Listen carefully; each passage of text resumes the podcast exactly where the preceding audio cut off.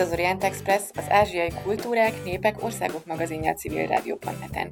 Szivák Júlia vagyok, sok szeretettel üdvözlöm a hallgatókat.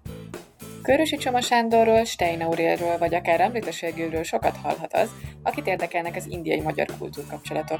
Azonban ebben az adásban olyan kevésbé ismert magyarok életét is megismerhetjük, akik szintén sokat tettek Magyarország indiai hírnevének megbűtéséért. Mai vendégünk dr. Lázár Imre nyugalmazott kultúrdiplomata, a nemzetközi tanulmányok szakértője, a kulturális diplomácia specialistája. Budapesten a Közgazdaságtudományi Egyetemen folytatott nemzetközi tanulmányokat és szerzett közgazdasági doktori címet. Később új Delhiben a Jawaharlal Nehru Egyetem nemzetközi tanulmányok intézetében folytatott doktori tanulmányokat, és védte meg PhD fokozatát a magyar-indiai kulturális diplomáciáról szóló értekezésével. Három alkalommal teljesített külszolgálatot kulturális diplomataként, köztük kétszer új Delhiben a Magyar Tájékoztatási és Kulturális Központ igazgatójaként és az ottani Magyar Nagykövetség kulturális tanácsosaként. Az Orient Express adásainak elkészültét a Magyar Nemzeti Bank támogatja. Felhívjuk hallgatóink figyelmét, hogy az Orient Express adásai nem csak a civil rádió.net-en hallgathatók, hanem podcastként az interneten is, az expressorient.blog.hu oldalon, a YouTube csatornánkon, továbbá a Soundcloudon, a Spotify-on, az iTunes-on és a többi podcast alkalmazásban, méghozzá bárhol, bármikor, bármilyen kicsivel. A továbbra is fennálló járványhelyzet miatt az Orient Express mai adását Skype-on keresztül készítjük, a szokásosnál rosszabb hangminőséget elnézésüket kérjük. Nagyon sok szeretettel köszöntjük dr. Lázár Imrét az Orient Expressnek a mai adásában. Köszönjük Imre, hogy elfogadtad a meghívásunkat. És az első kérdésem hozzád az lenne, hogy te miért pont Indiát választottál, téged mi vitt Indiába? És hogy kezdtél el ezzel, a, ezzel az országgal foglalkozni, és ezzel a kultúrával? Hát először is India valóban az én munkásságom nagy részét kitöltötte. Mind hivatali minisztériumban eltöltött időmet, mint pedig kiszolgálatom nagy részét. Összesen 11 évet voltam ott, és Indiához kapcsolódik az a elméleti munkásság, ami az én gyakorlati munkámat kiegészítette. Nagyon sok apró tényező sodort ebbe az irányba, először búvópatakként. Az ember észre sem veszi, hogy bizonyos dolgokra jobban odafigyel, mint másokra, de még nem érzi azt, hogy majd ezzel fog foglalkozni élete nagy részében. Hát ugye gyerekkoromban már sokat hallottam a rádióban Indiáról, eh, harmadik világ, el nem kötelezett mozgalom, Jawaharlal Nehru, Indira Gandhi, és aztán hát kamaszkoromban természetesen popzene felé kezdtem el figyelni, a Beatles lett a kedvenc zenekarom, és hát természetesen nem kerülhet el a figyelmemet, hogy az egyik Beatles tag, George Harrison nagyon szorosan kötődött Indiához, ez a zenéjében is komoly nyomot hagyott, és hát a Beatles elment Rishikésbe meditálni, és aztán később előadásokat hallottam Indiáról, könyveket olvastam, Baktai Ervin művei nagyon nagy hatással voltak rám. Ez egy nagyon érdekes történet, hogy hogy került a kezembe az első Baktai könyv.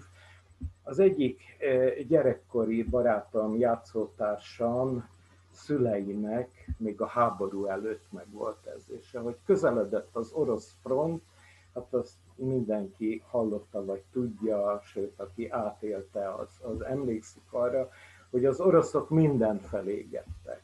Könyvet, bútor, semmi nem maradt egy házban utánuk, és akinek nagyon ö, féltett kincse volt, az elásta. Nos, a Baktai Ervin India könyvet az én barátom szülei elásták a háború előtt, és hát egyszer, amikor sokat beszélgettünk Indiáról már akkor is, és hoz nekem egy könyvet, aminek ilyen pedészes volt a fedele, és kérdeztem, hogy mi ez, hát ez Indiáról szólna, hogy téged ez biztos érdekel, és mondom, miért ilyen penészes? Azt mondom, mert elásták a szüleim a földbe, hogy megmentsék az oroszoktól. Na, hát ez is egy lökés volt, aztán egyre többet ö, olvastam Indiáról, egyre többet hallottam, és végül is az én választott szakmám a kulturális diplomácia lett. Én nagyon tudatosan készültem erre. Az egyetemen, a közgazdasági egyetemen lehetett nemzetközi kapcsolatokat tanulni, diplomáciai pályára készülni, és én már ott elhatároztam, hogy kulturális diplomáciával fogok foglalkozni. Ebből is írtam a szakdolgozatomat, és utána a kultúráért felelős minisztérium nemzetközi részére mentem dolgozni. Először nagyon sok országgal foglalkoztam, köztük volt India is, de nem gondoltam még akkor, hogy ez lesz végül is a életcélom. És aztán ahogy egyre többet találkoztam indiaiakkal, és egyre mélyebben beleástam magam az indiai kultúrába, egyszerűen szerelmes lettem belé, és amikor Fölmerült a lehetőség, már jó ideje dolgoztam a minisztériumban, akkor a kultúráért felelős minisztérium, akkor művelődés és közoktatási minisztériumnak hívták. Ez a minisztérium felelt a magyar intézetekért, és amikor fölmerült az, hogy szeretnék-e magyar intézetben dolgozni, akkor rögtön rávágtam, hogy új Delhiben, Indiába szeretnék menni. Hát így kerültem én Indiába, tehát nem az indológia felől, hanem a kulturális diplomácia felől, de én azt nagyon jól tudtam, hogy ezt a munkát csak úgy lehet jól végezni, ha annak az országnak a kultúráját, történelmét, politikáját, minden egyes szegmensét, amit tudni kell erről az országról, én nagyon alaposan megtanulom. Hát mindenki tudja, hogy India egy nagyon bonyolult ország, egy rettentesen komplex képződmény, nagyon sokszínű, rengeteg nyelv, rengeteg féle önállónak nevezhető kultúra, ami azért India néven mégis közös nevezőre hozható. Tehát egy nagyon mély elmélyült tanulmányt igényel, és hát én könyvtárnyi irodalmat elolvastam erről, és akkor éreztem először, hogy kapargatom a görög dinnye héját. De nagyon-nagyon hosszú idő kell ahhoz, hogy az ember elmélyedjen ebbe, és ez a szellemi kaland. Indiát megpróbálni megismerni, hogy pontosan fogalmazzak. Ez a szellemi kaland nekem nagyon sok élményt és nagyon sok gyönyörűséget adott. Úgyhogy én végül is az Indiában végzett kulturális diplomáciai munkámban megtaláltam a hivatásom valódi értelmét, és hát ez a szerelem azóta is tart, és úgy érzem, hogy Indiával a mai napig nagyon jó barátságban vagyok. A szellemi kalannak a további részéről majd később foglak kérdezni, de most először Kicsit rákérdeznék erről, hogy milyen volt, amikor először megérkeztél Indiába. Jól értem, hogy te rögtön kiküldetésre mentél, akkor voltál először Indiában? Így van. Ez 1988. augusztusában volt.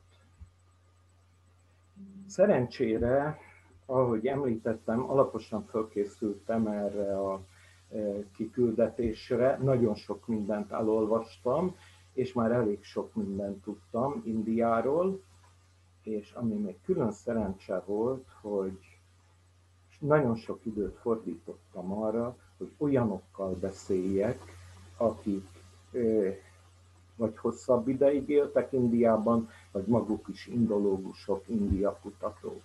Tehát az akkori Indiával foglalkozó elit, tehát Gáti Vera, Puskás Ildikó, Négyesi Mária, Töttösi Csaba, és nagyon sok nevet mondhatnék, mind-mind szánt rám annyi időt, hogy elmondta az ő közvetlen élményeit Indiáról, és tulajdonképpen Indiában már fölkészültem.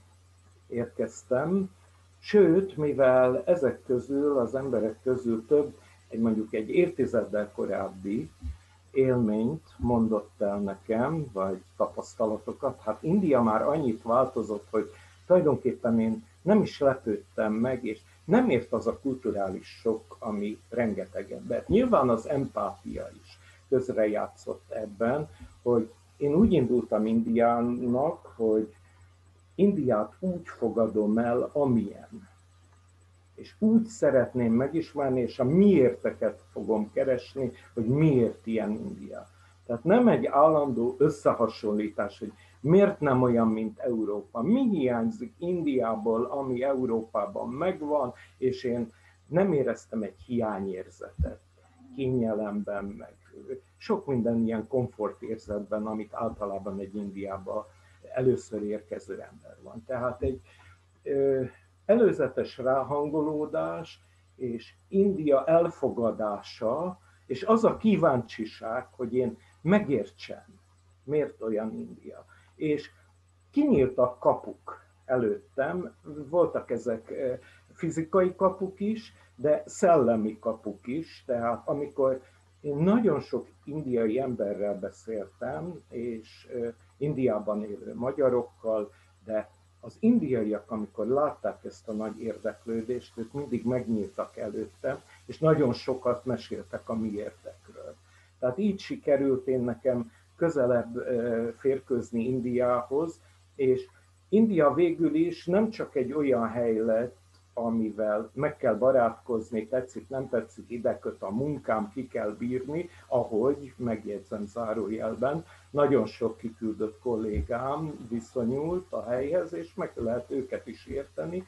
Bennem szerencsére megvolt az a hozzáállás, hogy nem éreztem kényelmetlennek azt, hogy én beilleszkedjek ebbe az indiai közegbe. Természetesnek fogadtam el, nem csak, hogy beleilleszkedtem, hanem szabadon jártam, keltem, az utcákon minden járművet kipróbáltam, nagyon sokat utaztam az országban, vonaton, buszon, lépcsőn lógva, ahogyan az indiaiak szoktak, és én nekem ez nagy örömet jelentett, és úgy éreztem, hogy az a 11 év, amit én Indiában töltöttem, az megnyitotta sok tekintetben Indiát úgy előttem, hogy elkezdtem érteni is, hogy miért vannak úgy a dolgok, ahogy éppen vannak.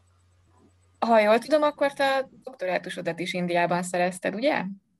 Így van, ez a második doktorátusom volt, mert előtte volt egy a közgazdasági egyetemről, az is a kulturális diplomáciáról szólt, és Indiában, az Indiában végzett eh, kulturális diplomáciai munka során merült föl bennem az a gondolat, hogy annak a sok gyakorlati tapasztalatnak, amit ott szereztem, le kellene vonni az elméleti következtetéseit.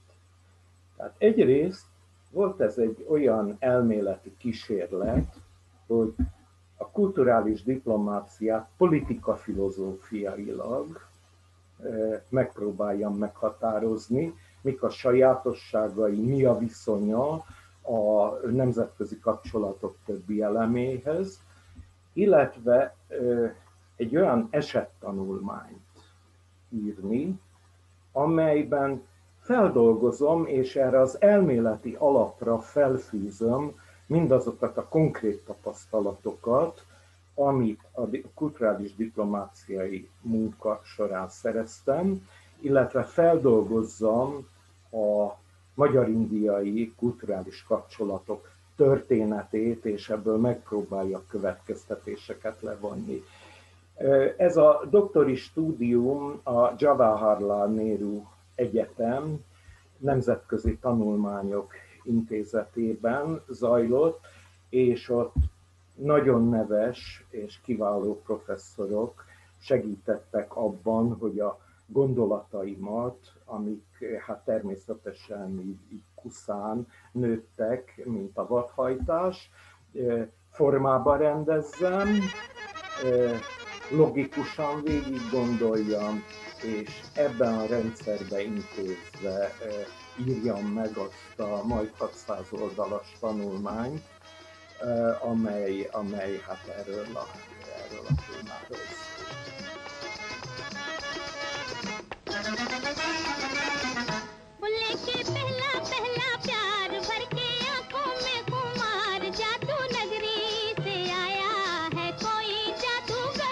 लेके पहला पहला प्यार भर के आँखों में खुमार जादू नगरी से आया है कोई जादूगर। लेके पहला पहला प्यार भर के आँखों में खुमार जादू नगरी से आया है कोई जादूगर। लेके पहला पहला प्यार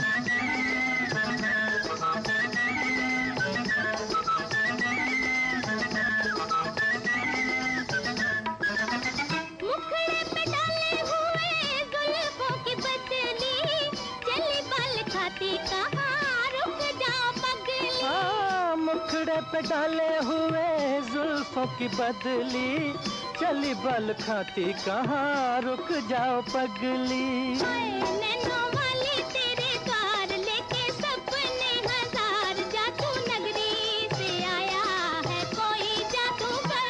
लेके पहला पहला प्यार भर के आँखों में खुमार जादू नगरी से आया है कोई जादूगर लेके पहला पहला प्यार।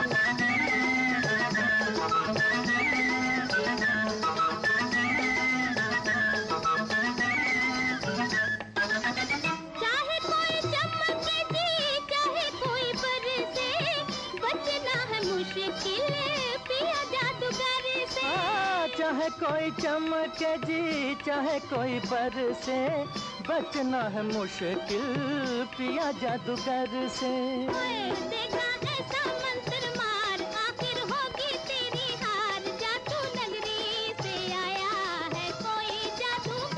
लेके पहला पहला प्यार भर के आँखों में खुमार जादू नगरी से आया है कोई जादूगर वो लेके पहला पहला प्यार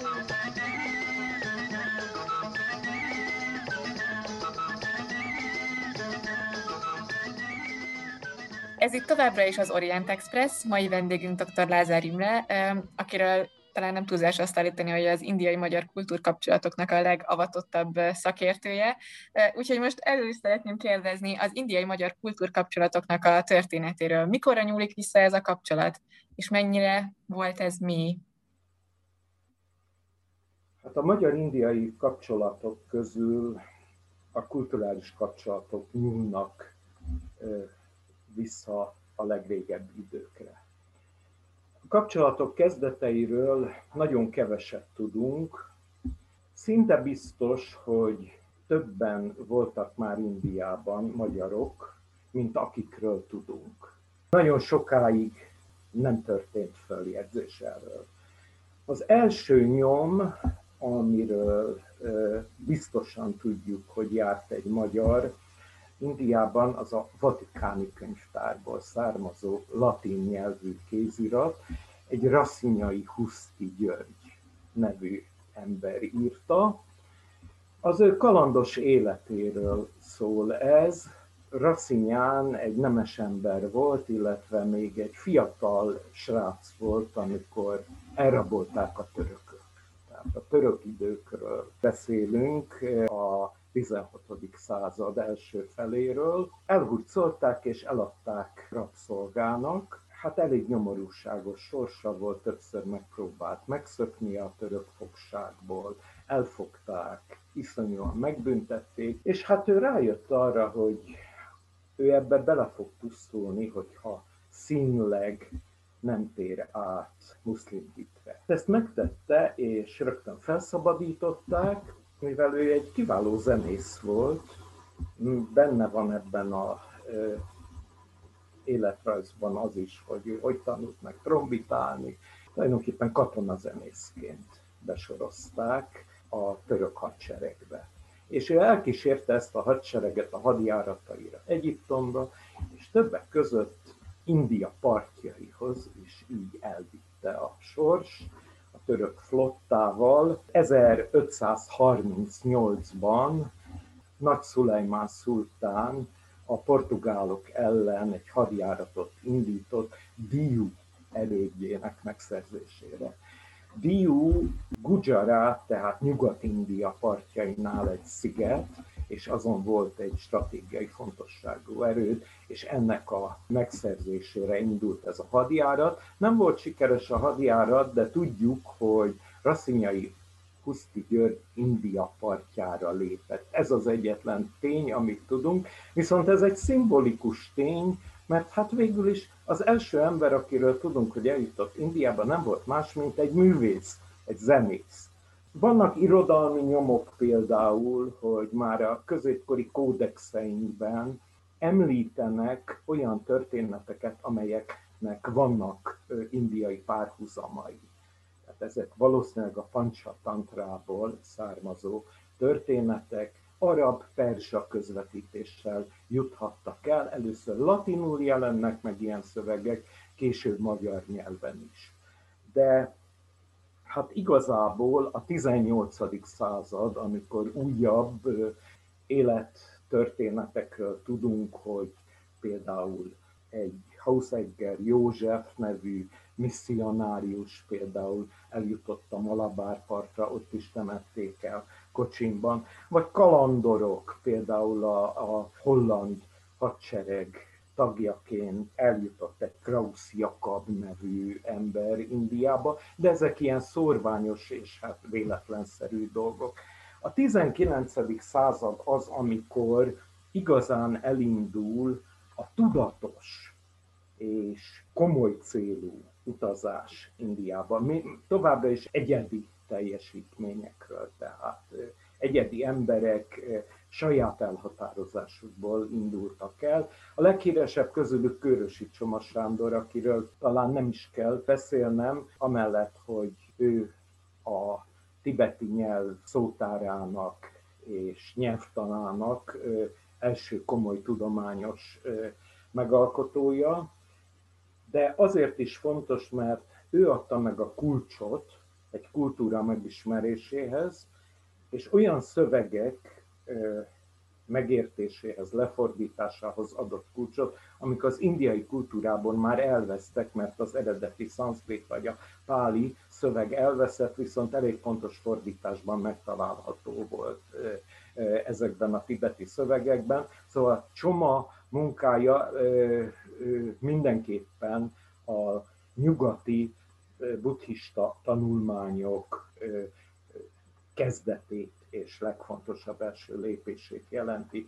Számunkra, magyaroknak ez azért fontos, mert Csomát nem gyarmatosítói célok és szándékok vezették Indiába, hanem az, hogy megtalálja a magyarok őshazáját, illetve hogy megismerjen egy ismeretlen kultúrát, és ezt, ezt a tudást továbbadja. És az Indiában járt magyarok generációinak ezt az üzenetet adta át.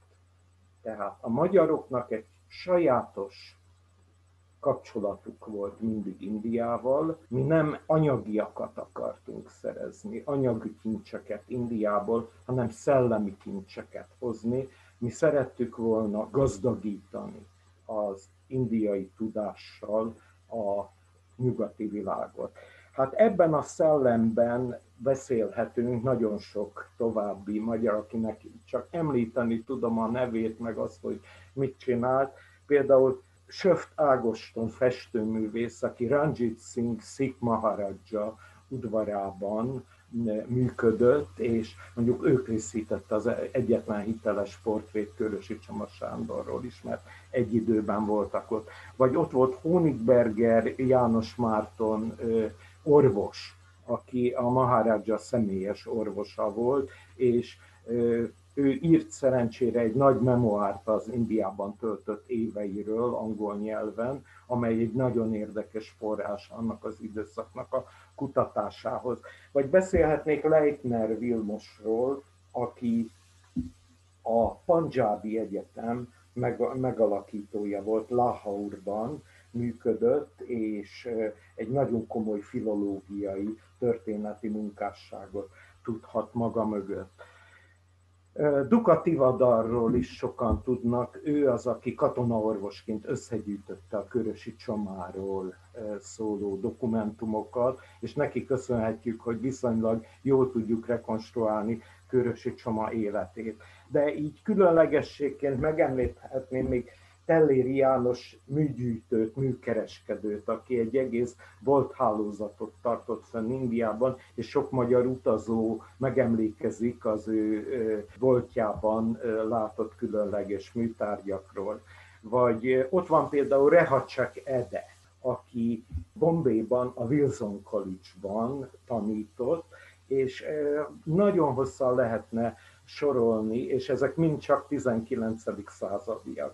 A 20. századra rátérve már csak neveket mondok, mert ők ismertebb személyiségek, és talán majd később még tudunk róluk is beszélni.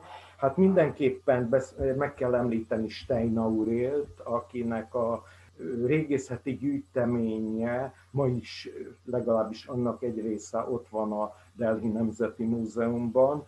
Bakta Jervin, aki a magyar intológusok első óriási alakja, aki segített nekem is megszerettetni és megértetni Indiát, mert ő Indiát nem úgy szemlélte, mint a nyugatiak, hogy elővették a mércét, és megmérték, megszámolták, leírták milliméter pontossággal, Baktai India lelkéhez akart hozzáférni, és ő is a miérteket kereste. Tehát ebből a szempontból Baktait mesteremnek tekintek, hogy a kérdésföltevés és az Indiához való viszonyban én nagyon sokat tanultam tőle.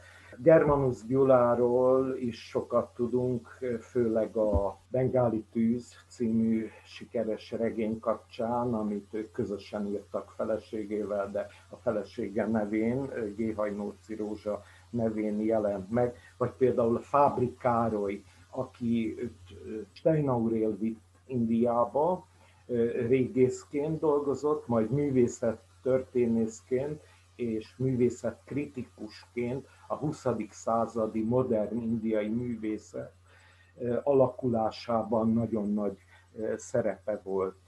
Hát Hopp Ferenc, Schweiger Imre, Felvinci Takács Zoltán, akik műgyűjtőként, műértőként nagyon sok műtárgyat például elhoztak Indiából, és a Hopp Ferenc Múzeum gyűjteménye nagyrészt az ő adományaikon alapul, és nekik köszönhetjük, hogy Indiában a magyar művészet a közgyűjteményekben eléggé szépen van reprezentálva de hát Tornai Gyula festőről, aki egy ilyen orientalista stílusban festett Indiában, Zajti Ferencről, aki megint egy ilyen nagyon érdekes kutatást végzett, és a magyarok nyomát kereste Gujaratban és Rajasztánban a fehér unok körében, vagy Balás Ferenc, egy erdélyi unitárius lelkész, aki nagyon nagy érdeklődéssel fordult India felé, találkozott Gandhival, Tagorral, és nagyon sok tapasztalatot hozott haza, amit aztán Erdélyben próbált meghonosítani abban a faluban és szűkebb közösségben, ahol ő dolgozott. Tehát így összefoglalva ezeket az egyéni és második világháborút megelőző magyar utazásokat és India iránti érdeklődés által összegyűjtött tapasztalatokat. Ezek az emberek megalapozták egyrészt az India iránti komoly tanulmányokat, amik megindultak Magyarországon, indológia, ókortörténet, vallás történet kutatás tekintetében, és kinevelődtek világhírű magyar tudósok. Az ő India iránti érdeklődésüknek köszönhetően, másrészt pedig az India iránti szeretet, ami a nagy közönségben megnyilvánult, indiai irodalom, Rabindranath Tagore és munkássága, az indiai zene iránt, ami máig hat abban, hogy rengeteg magyar megtanulta és gyakorolja az indiai zenét, táncokat, művészeteket, és egyáltalán nagy közönség nagyon nagy érdeklődést mutatott ki a iránt.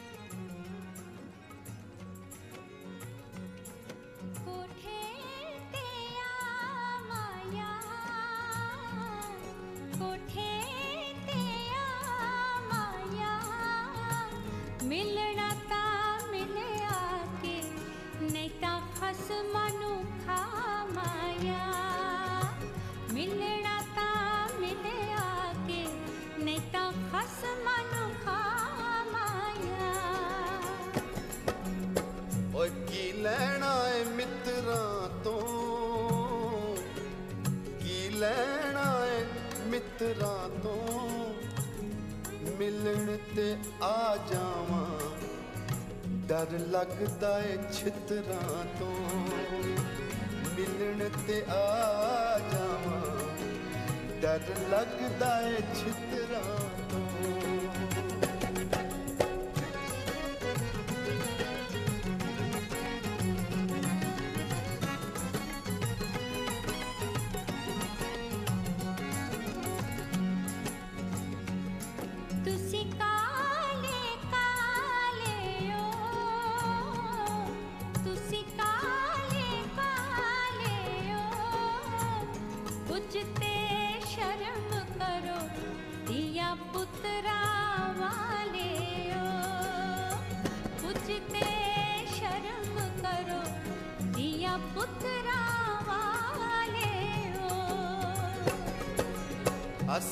ਦੰਦ ਪਏ ਕੱਢਦੇ ਨੇ।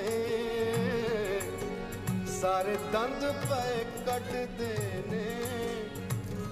ਅਸੀਂ ਤੈਨੂੰ ਚੰਗੇ ਲੱਗਦੇ ਤੇ ਸਾਡੇ ਦੀਆਂ ਪੁੱਤ ਵੱਢਦੇ ਨੇ। ਅਸੀਂ ਤੈਨੂੰ ਚੰਗੇ ਲੱਗਦੇ, ਸਾਡੇ ਦੀਆਂ ਪੁੱਤ ਵੱਢਦੇ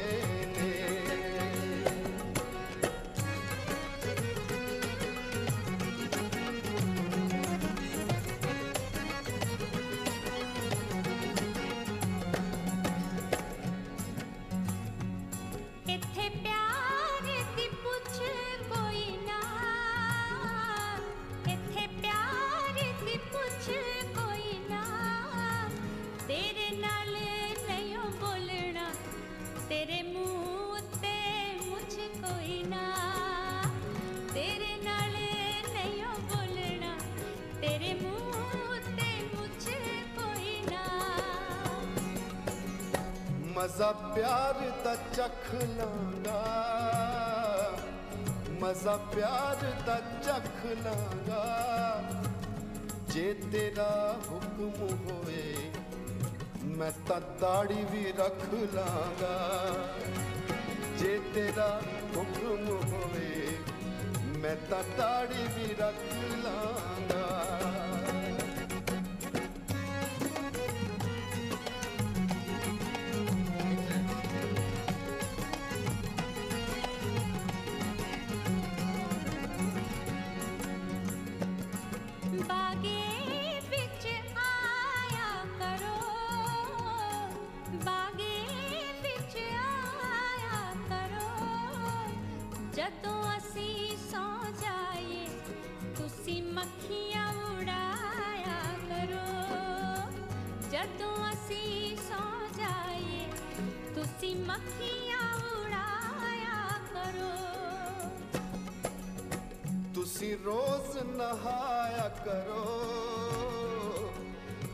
Továbbra is az Orient Express. Dr. Lázár Imrével beszélgettünk a magyar-indiai kapcsolatokról.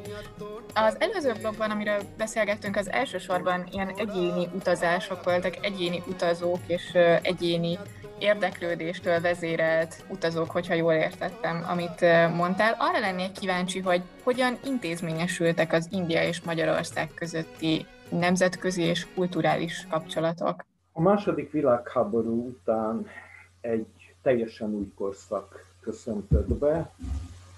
Akkor kulminálódott az indiai függetlenségi harc, és 1947-ben India elnyerte a függetlenségét.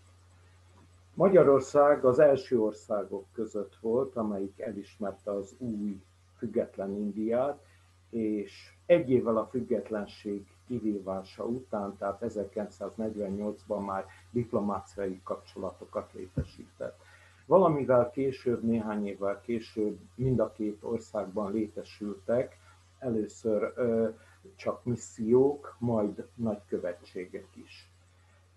A előbb elmondottakból is következik az, hogy a magyar-indiai kapcsolatokban a kulturális kapcsolatok mindig vezető szerepet játszottak. Ezek a nagy teljesítmények, amiről beszéltünk, mindig referenciaként, kiindulási pontként jelentkeztek a kapcsolatok építői szemében. Tehát a kulturális kapcsolatok a politikai kapcsolatok intézményesülése után szintén egy intézményesülési folyamatot indítottak el. 1962-ben írtak alá egy kormányközi kulturális egyezményt, és ezután rendszeresen kulturális és oktatási csereprogramokat írtak alá, kötöttek, amelyek már konkrét feladatokat is kijelöltek, konkrét célok elérését, és ennek köszönhetően megindult egy ösztöndíjas program, amikor már az Indiával foglalkozó új tudós generációk nem csak elméletileg könyvekből ismerték meg Indiát, hanem el is tudtak jutni oda, sőt, hát anyagi hátteret is biztosítottak számukra. A kulturális oktatási csereprogramot aztán követte egy sor más megállapodás. A kormányközi kapcsolatok mellett intézményközi kapcsolatok is kialakultak, tudományos akadémiák, egyetemek fölvették a kapcsolatot egymással, és kutatóintézetek között létrejött együttműködés, tehát a kapcsolatrendszer egész hálózata jelentette, illetve hát ezek a jogi lépések, hogy megállapodások, csereprogramok szabályozták az együttműködést, ez jelentette az intézményesülés folyamatát. Azután Magyar Kulturális Intézet nyílt Delhiben. Ennek egy nagyon érdekes története van. Hát a Magyar Intézetek hálózata már a 20-as években elkezdett kiépülni. Klebelsberg Kuno kultuszminiszter volt az, aki nagy nyugat-európai városokban, mint Bécs, Berlin, Róma, Párizs, úgynevezett kollégium hungarikumokat nyitott. Ezek részben tudományos intézmények voltak, részben kultúra közvetítéssel is foglalkoztak.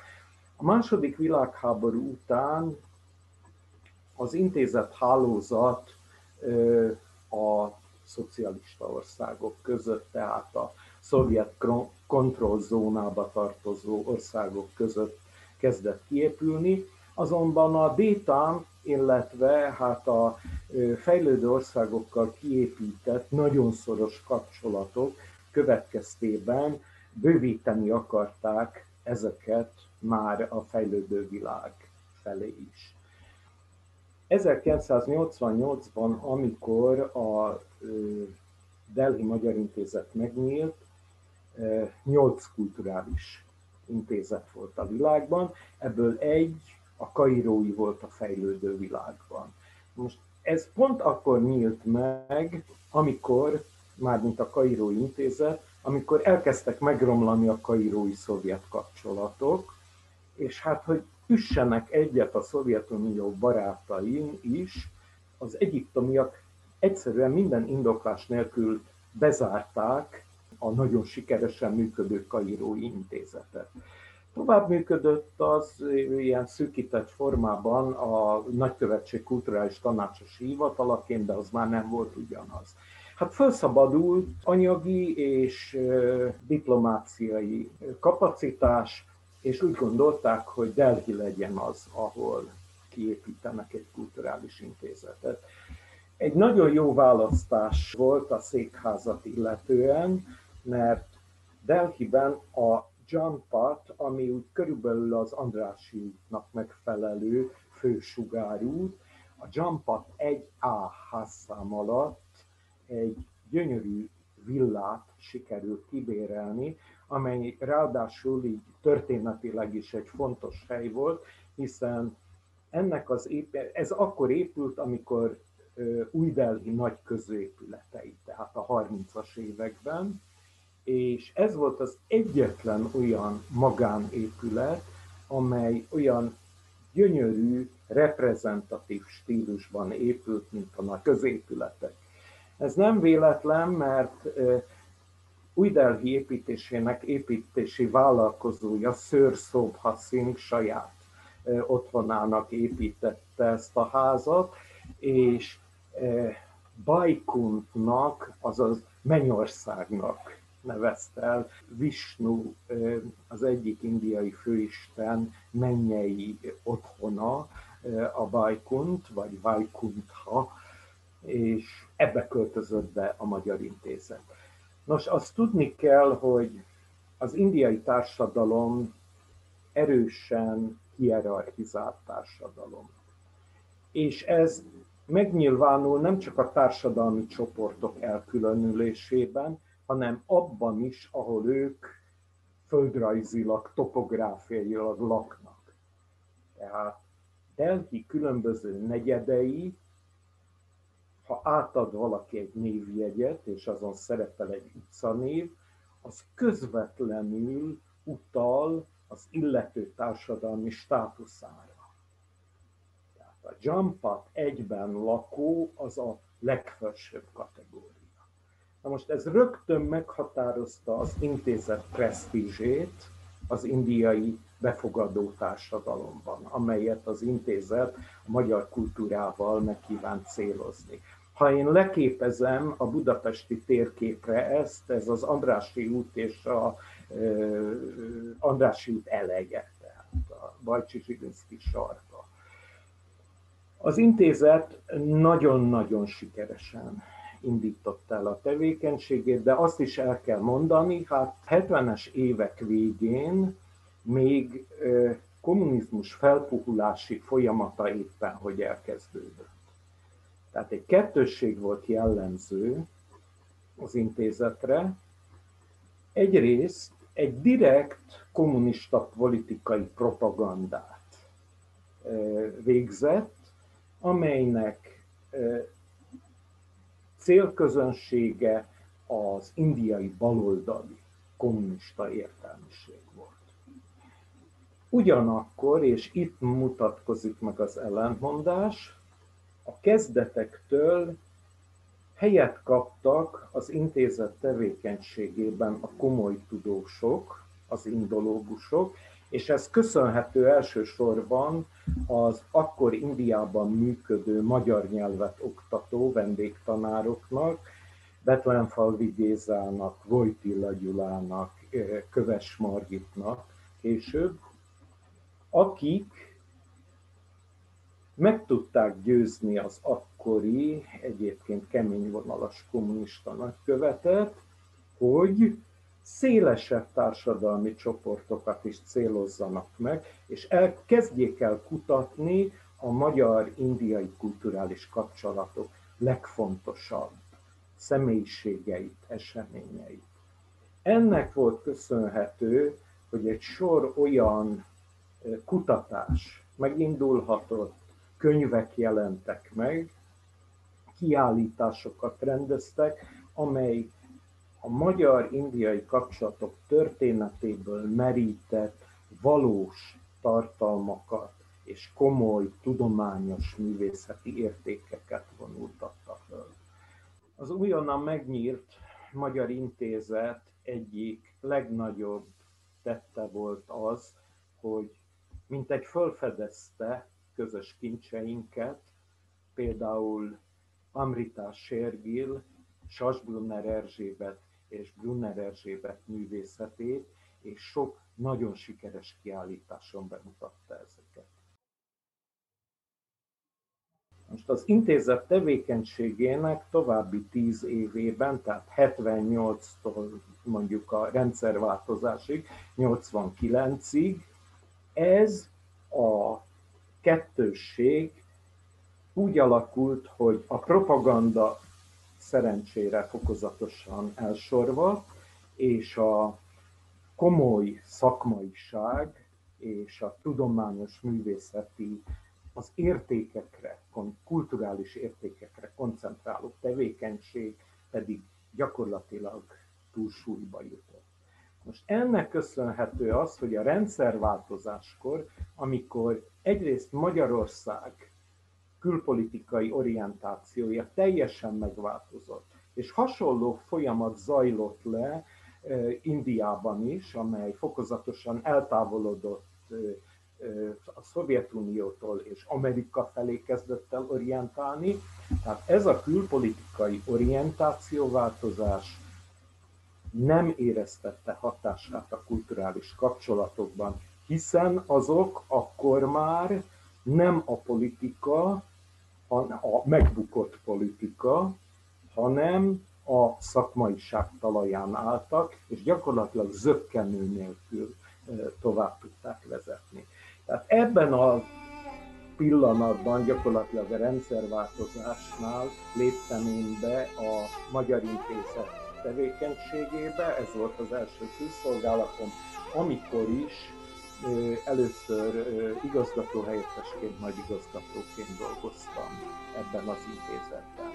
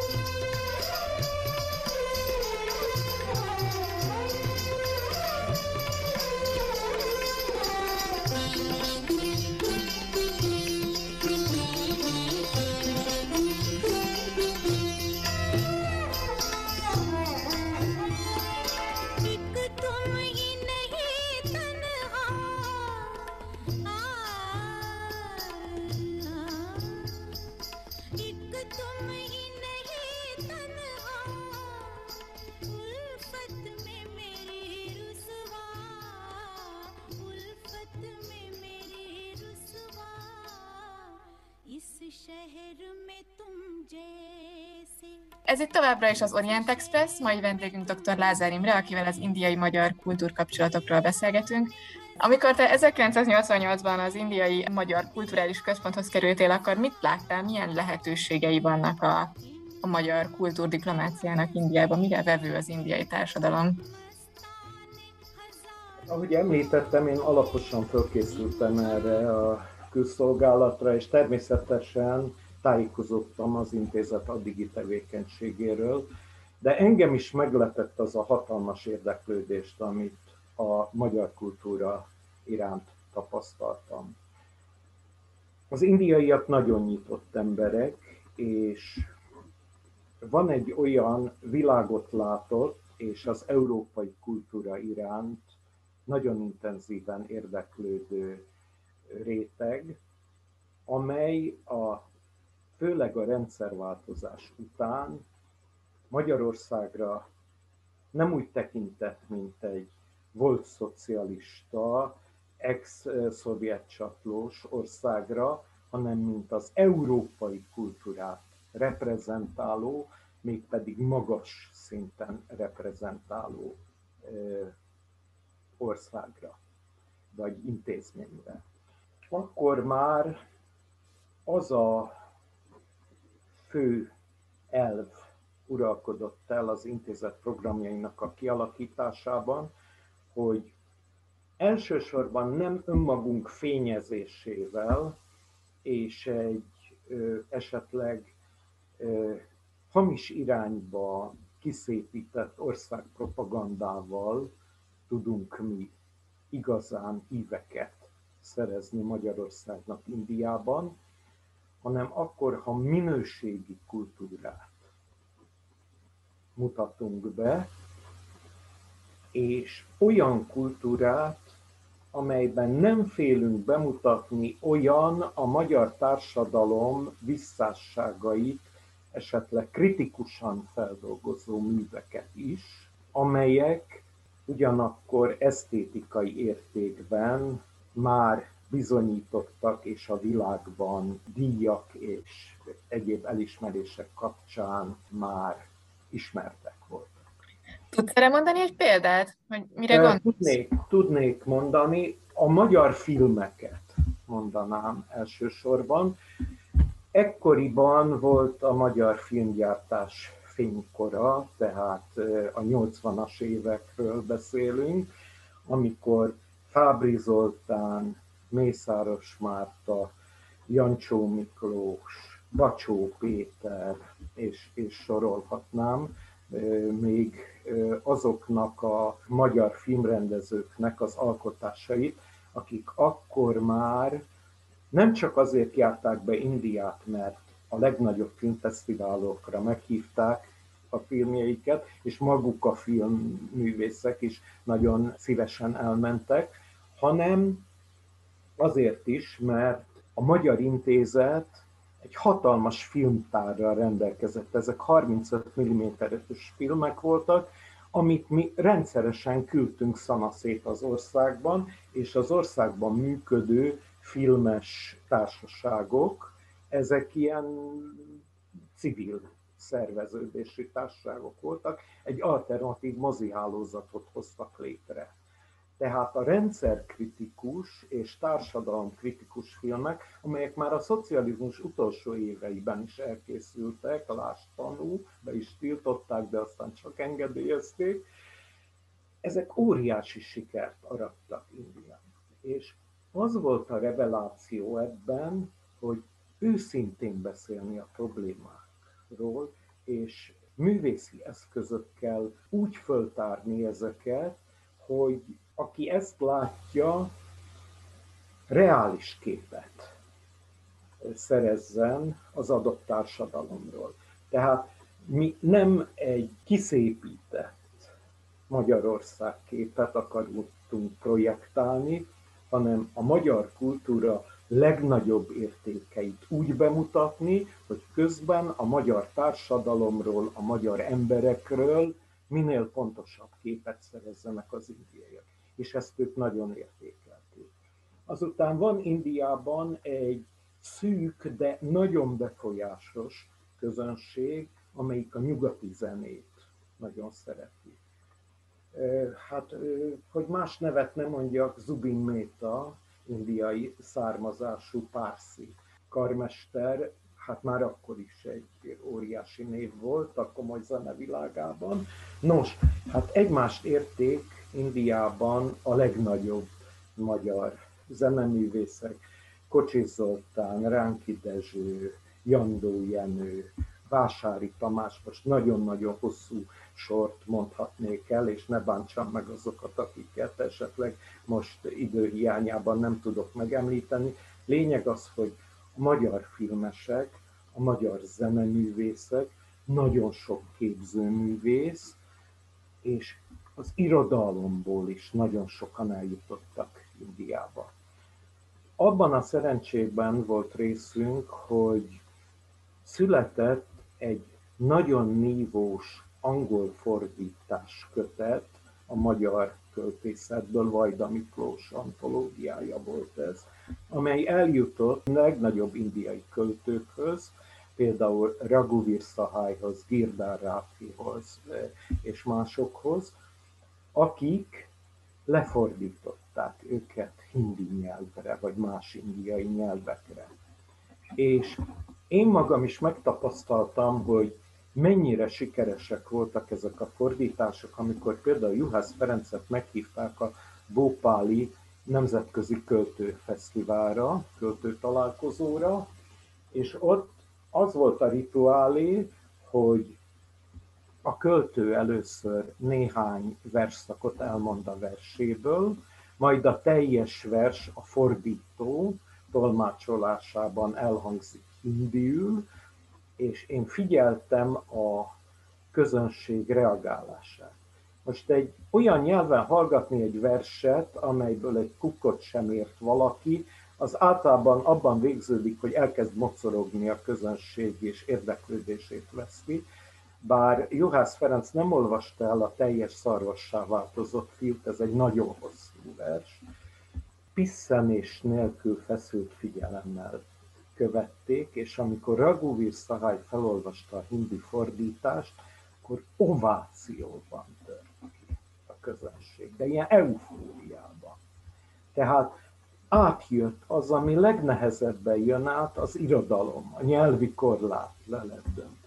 Na most ilyen esetet nagyon sokat tudnék mondani, tehát összefoglalva egy nagyon szerencsés időszakban egy nagyon fogékony közönség körében sikerült olyan ö, magas színvonalú magyar kultúrát közvetíteni, ami megalapozta Magyarország és a magyar kultúra jó hírét Indiában. Nagyon köszönjük dr. Lázár Imrének, hogy elfogadta a meghívásunkat, köszönjük a hallgatóknak a figyelmet és a Magyar Nemzeti Banknak a támogatást. Önök az Orient Express-t, a civilradio.net ázsiai magazinját hallották, a műsor Szivák Júlia vezette.